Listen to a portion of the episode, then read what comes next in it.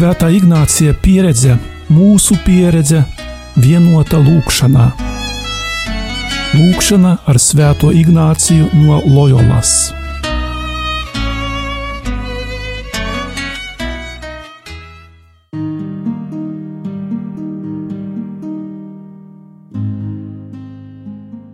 Šodien Ignāciskās meditācijas pusstundā piedāvāsim kopīgi pārdomāt pirmo daļu no slavenās Svētā Ignācija meditācijas par diviem karogiem. Divi karogi simbolizē divas nometnes - Jēzus un Sātana. Jēzus pulcina vienā nometnē un Sātans otrā. Var izvēlēties tikai vienu trešās nav. Šīs nometnes nav ārējas, tās ir manā sirdī. Nevar vienlaicīgi kalpot diviem saimniekiem, tāpēc ir jāizvēlas būt par dieva vai vēlna bērnu. Lucifers ir nāvīgs cilvēka ienaidnieks, sātans, velns, kārdinātājs, melu tēvs, čūska, pūķis, Belzebuls.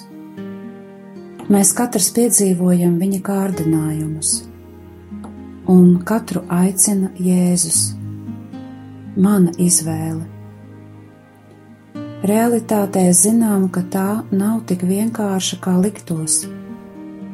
Ir jāizšķir savas patiesās nostājas, neieslīgstot virspusējībā vai sentimentalitātē. Tāpēc lūkšanas sākumā pazemīgi atvērsim savas sirdis svētā gara darbībai, lai viss, ko šai brīdī dzirdēšu, domāšu, sajutīšu, vēlēšos, un lai visa mana dzīve kalpotu lielākam dievu godam, tas ir manis un daudzu cilvēku pestīšanai.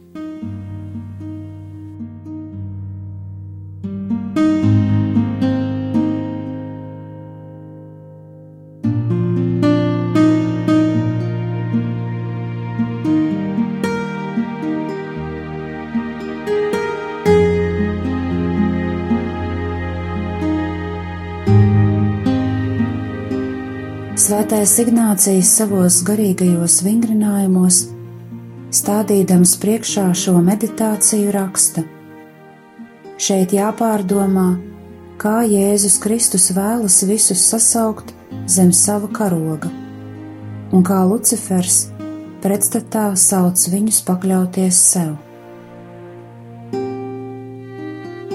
Iedomājieties lielu līdzenumu Jeruzalemes reģionā kur atrodas Jēzus Kristus mūsu Kungs, augstākais labo cilvēku pavēlnieks, tad citu līdzenumu Babilonijā, kur Lucifers vada ienaidniekus. Babilonija kā simbols ir ņemts no Jāņa atklāsmes grāmatas, kur tā tiek saukta par lielo netikli un dēmonu mājokli Savukārt Jeruzaleme atklāsmes grāmatā ir svētā dieva pilsēta.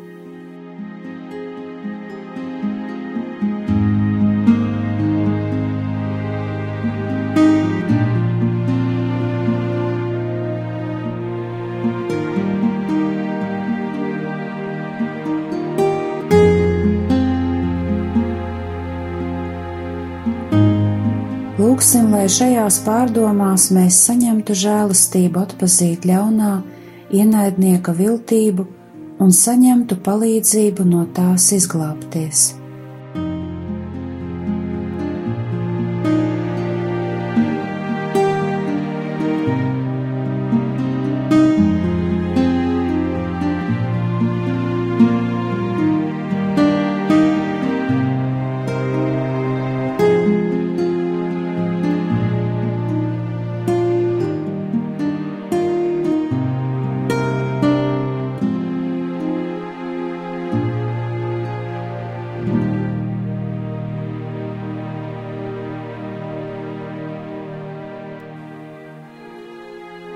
Tālākajos meditācijas punktos Ignācijas aicina pārdomāt divas dažādas taktikas, ar kurām divi kara vadoņi, Sātans un Jēzus, pulcina savus sekotājus.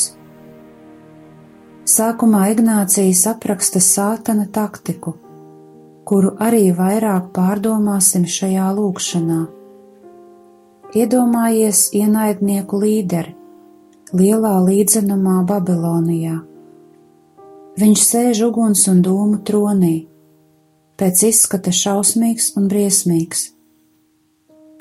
Pārdomā, kā viņš sasauc neskaitāmus vēlnu pulkus izsūta dažus uz vienu pilsētu un dažus uz citu, un tā pa visu pasauli, neizlaižot nevienu valsti, nevienu vietu, nevienu cilvēku. Pārdomā, kā viņš uzrunās tos, kā pavēl izmest uz cilvēkiem tīklus un ķēdes, kā no sākuma ir jākārdina cilvēki, lai tie iekāro bagātību jo tas ir parastākais veids, kā visvieglāk nonākt pie neīsta pasaules goda un tādā veidā iekrist lielā lepnībā. Pirmais pakāpiens ir bagātība, otrais gods, trešais lepnība, un pa šiem trim pakāpieniem sātans noved cilvēku pie visiem pārējiem netikumiem.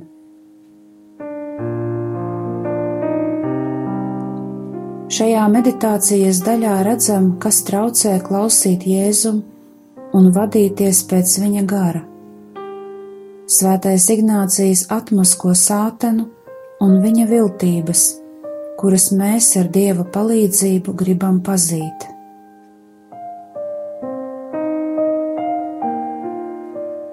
Sātanu Ignācijas apraksta šādi: Viņš sēž uguns un dūmu tronī pēc izskata šausmīgs un briesmīgs. Uguns un dūmu tronis gan izskatās iespaidīgi, bet realitātē nav nekas stabils īsts. Tas biedē ne tik daudz ar savu izskatu, cik ar naidu un spēju kaitēt tiem, kas tam tuvojas.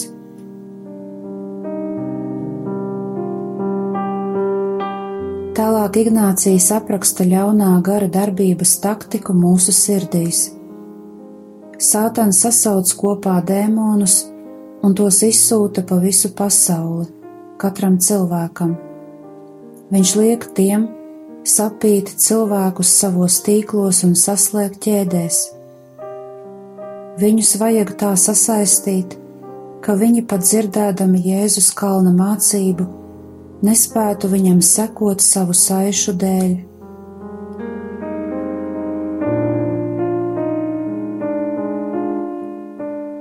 Manam dēmonam ir sava kartotēka, kur ierakstīts mans dzīves stāsts, manas vājās un stiprās puses, bailes, kompleksi, ilgas un vajadzības, dažādi, nedziedināti ievainojumi arī manai garīgajai dzīvei, lūkšanu laikam, baznīcas apmeklējumam, tiek piemērota sava taktika. Tam tiek izmantotas dažādas pieķeršanās, tukšība, salīdzināšanās ar citiem.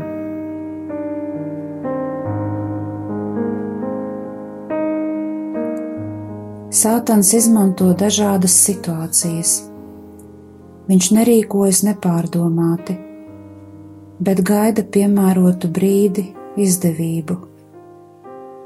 Cilvēks ir ļoti mazs, nabadzīgs. No vienas puses mēs visi apzināmies savu kā dieva radības slavu, no otras puses savu vājumu. Mums katram ir pieredzes, kas saistās ar mūsu veselību, attiecībām, ziņām, darbu, lūgšanu pašsajūtu.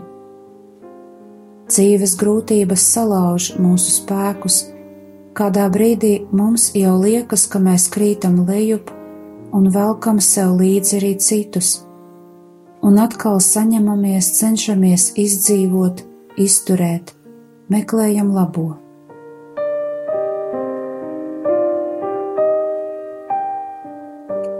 Šo garīgās un emocionālās cīņas situāciju izmanto ļaunais gars. Viņš cenšas mūs piesaistīt pie kādas labas lietas, kura it kā palīdzēs izturēt, neiet bojā. Vispirms viņš mudina mūs to iekārot, pēc tam nostiprina pieķeršanos. Svētais Ignācijas runā par mantu, kuru vajag saprast plašā nozīmē. Bīstama ir nevis pati manta, bet gan mantkārība, kā teikts Sīraha gudrības grāmatā, vai gan ir radīts kas ļaunāks kā nenovīdīga acs.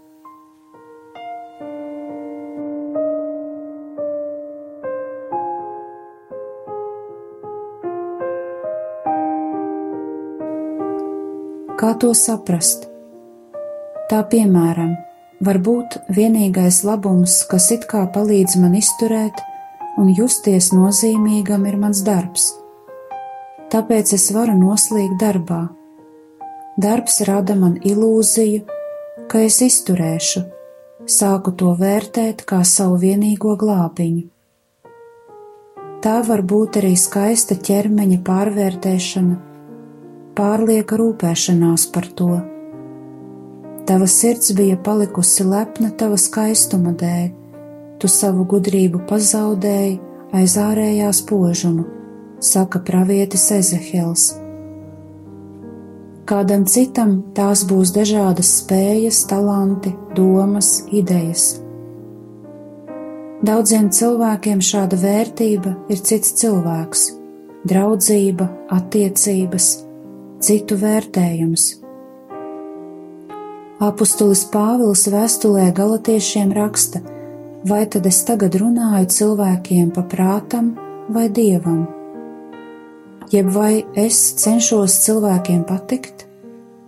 Ja es vēl cilvēkiem censtos patikt, tad es nebūtu Kristus kalps. Reliģiskiem cilvēkiem par šādu mantkārības veidu var kļūt skrupuloza likuma burta ievērošana. Citām mankārības objekts ir nauda. Par to vēstulē ebrejiem teikts: Jūsu dzīvē lai nav mantkārības, lai jums pietiek ar to, kas pie rokas, jo viņš pats ir sacījis: Es tevi neatstāšu un tevi nepametīšu. Pravietis Jeremijs stingri runā Dieva vārdā sacīdams: Tie visi, no jaunākā līdz vecākajam, ir mantas kārīgi, un no pravieša līdz priesteriem visi nododas meliem. Savukārt pravietis Ezehiels saka: Ar savu lielo gudrību tu tirgodamies esi vairojis savu bagātību, un tava sirds lepojās tavas bagātības dēļ, un citā vietā Tie nāk pie tevis kā tautas sapulcē un klausās tavus vārdus, bet tos nepilda. Tie ir mīlīgi ar savu muti, bet viņu sirdis dzenas pēc mantas. Mantkārīga piesaiste var būt pat pie reliģiskām praksēm, dažādu pasākumu apmeklējumu, tās un tikai vienīgās pareizās formas, kā lūgties un pazīt Dievu, pie noteikta veida apustulāta, pie cilvēkiem, kuriem palīdzu, sagaidot no viņiem uzslavas un atzinību. Tik dažādas ir iespējas augt mantkārībā, tāpēc 62. psalms māca, kad bagātība vairojas, nepiegrieziet tai visu savu sirdi. Jebkura veida manta, tāpat attiecības ar cilvēkiem, pasauli un sevi ir dieva dāvana ir tikai jābūt pareizās attiecībās ar to, saglabājot iekšējo brīvību. Nepiesaistīšanās nenozīmē vienaldzību un augstu nejūtīgu sirdi. Mīlošas un tuvas attiecības, ieguvumi un labas lietas ir prieka un enerģijas avots cilvēkam, bet no pieredzes zinām, ka šis prieks mazinās un enerģija zūd kad nonākam kādu lietu vai attiecību nebrīvē. Labākais veids saglabāt īstās attiecības ar mantu ir lūgt dievam iekšējo brīvību un viegli atraisīties no jebkura labuma, ja dievs piedāvās kaut ko citu. Mūsu dzīvē jāvalda veselīgam līdzsvaram, centienos visu darīt labi pēc savām spējām, reizē nemeklējot savu godu ne pasaulīgajā, ne reliģiskajā kalpošanā.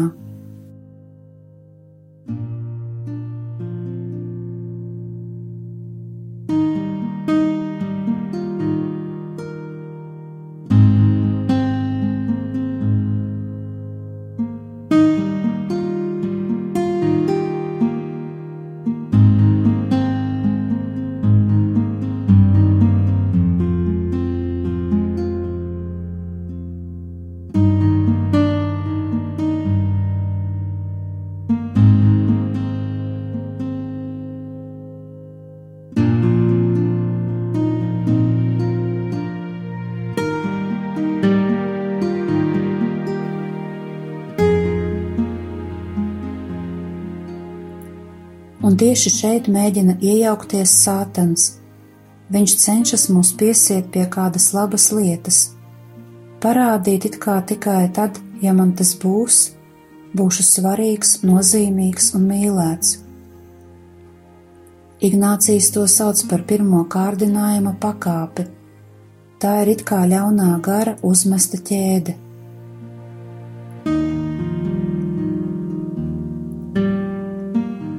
Sātans bieži darbojas caur citiem cilvēkiem, reklāmu un tam līdzīgi.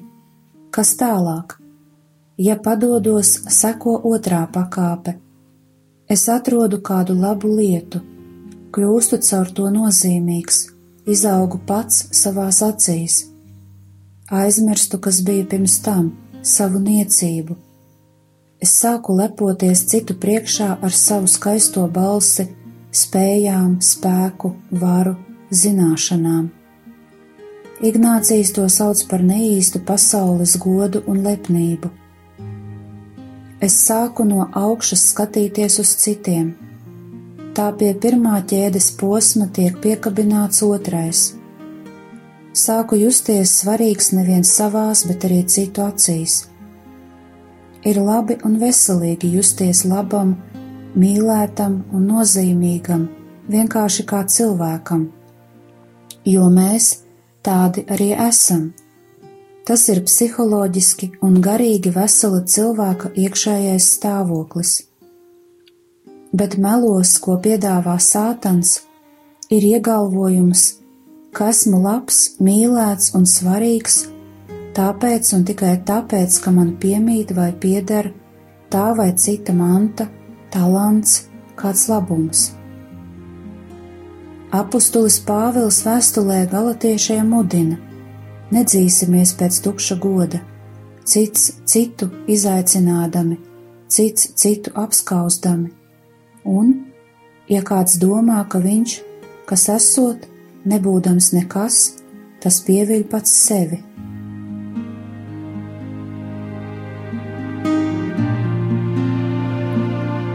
Trešā kārdinājuma pakāpe ir neierobežota lepnība. Kad bagāts cilvēks kļūst nozīmīgs, viņš kļūst lepns citu priekšā. Viņš cenšas iznīcināt to, kurš viņam traucē, un par ienaidnieku viņš sāk uzskatīt nevien cilvēkus, bet arī dievu, jo viņa griba un likumi pretojas viņa lepnības diktētajām nostājām kā rakstīts Sīraha gudrības grāmatā.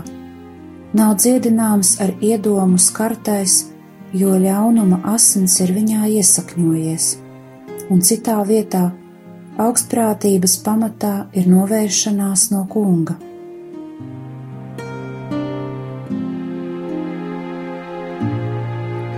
Centīsimies saprast šo taktiku un lūksimies, lai varētu izvairīties no tās cilpām. Galvenā un bīstamākā ir pirmā kārdinājuma pakāpe. Kārotais labums var būt kas pavisam mazs, bet mēs to ieguvuši, varam sajusties varani un vairs neiedomājamies savu dzīvi bez šīs mantas. Jautāsim sev, kas man ir šī manta, bez kuras šķietami es nevarētu dzīvot, bez kuras man šķietami nebūtu vērtības, nozīmīguma savās un citu acīs.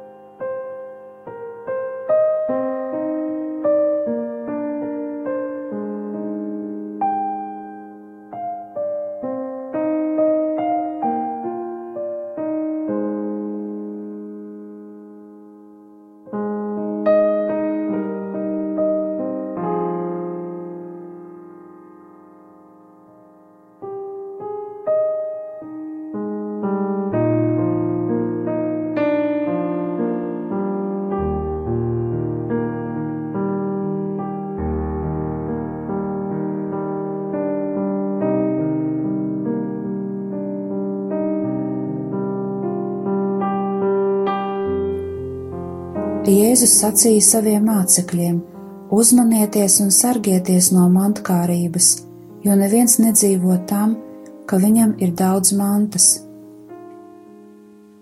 Apostulis Pāvils vēstulēs Timotejam brīdina: Gars skaidri saka, ka vēlākos laikos daži atkritīs no ticības, pieķerdamies maldu gariem un dēmonu mācībām, un kas grib tapt bagāts, krīt kārdinājumā un valgā, un daudzās bezprātīgās un kaitīgās iegribās, kas gāž cilvēkus postā un pazušanā. Savukārt apustulis Jānis savā vēstulē mudina bērniņi sargieties no elkiem. Lepnību uztur ļaunā gara viltīgi mierinājumi. Mēs varam sajusties droši, garīgi, pašpietiekami, tāpēc izvairamies no grēksūdzes, garīgās pavadības un paklausības. Tādos gadījumos tikai mazāki vai lielāki kritieni spēja atvērt mums acis. Noslēgumā izteiksim Dievam savus lūgumus un pateicību.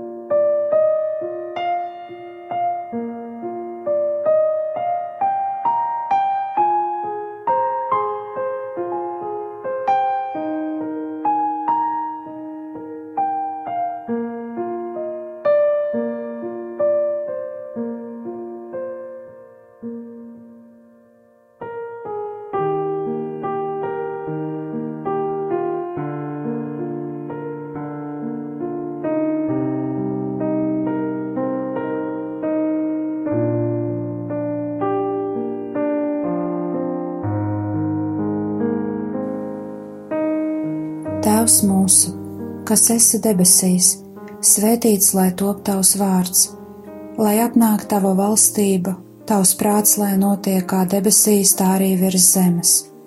Mūsu dienascho maizi dod mums šodien, un piedod mums mūsu parādus, kā arī mēs piedodam saviem parādniekiem, un neieved mūsu kārdināšanā, bet atpestī mūs no ļauna. Āmen!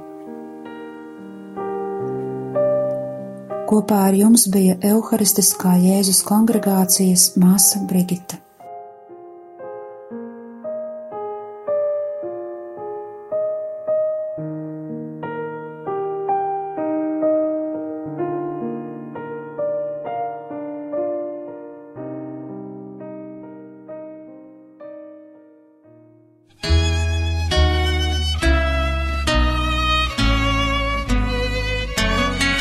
Svētā Ignācija pieredze, mūsu pieredze, vienota lūkšanā.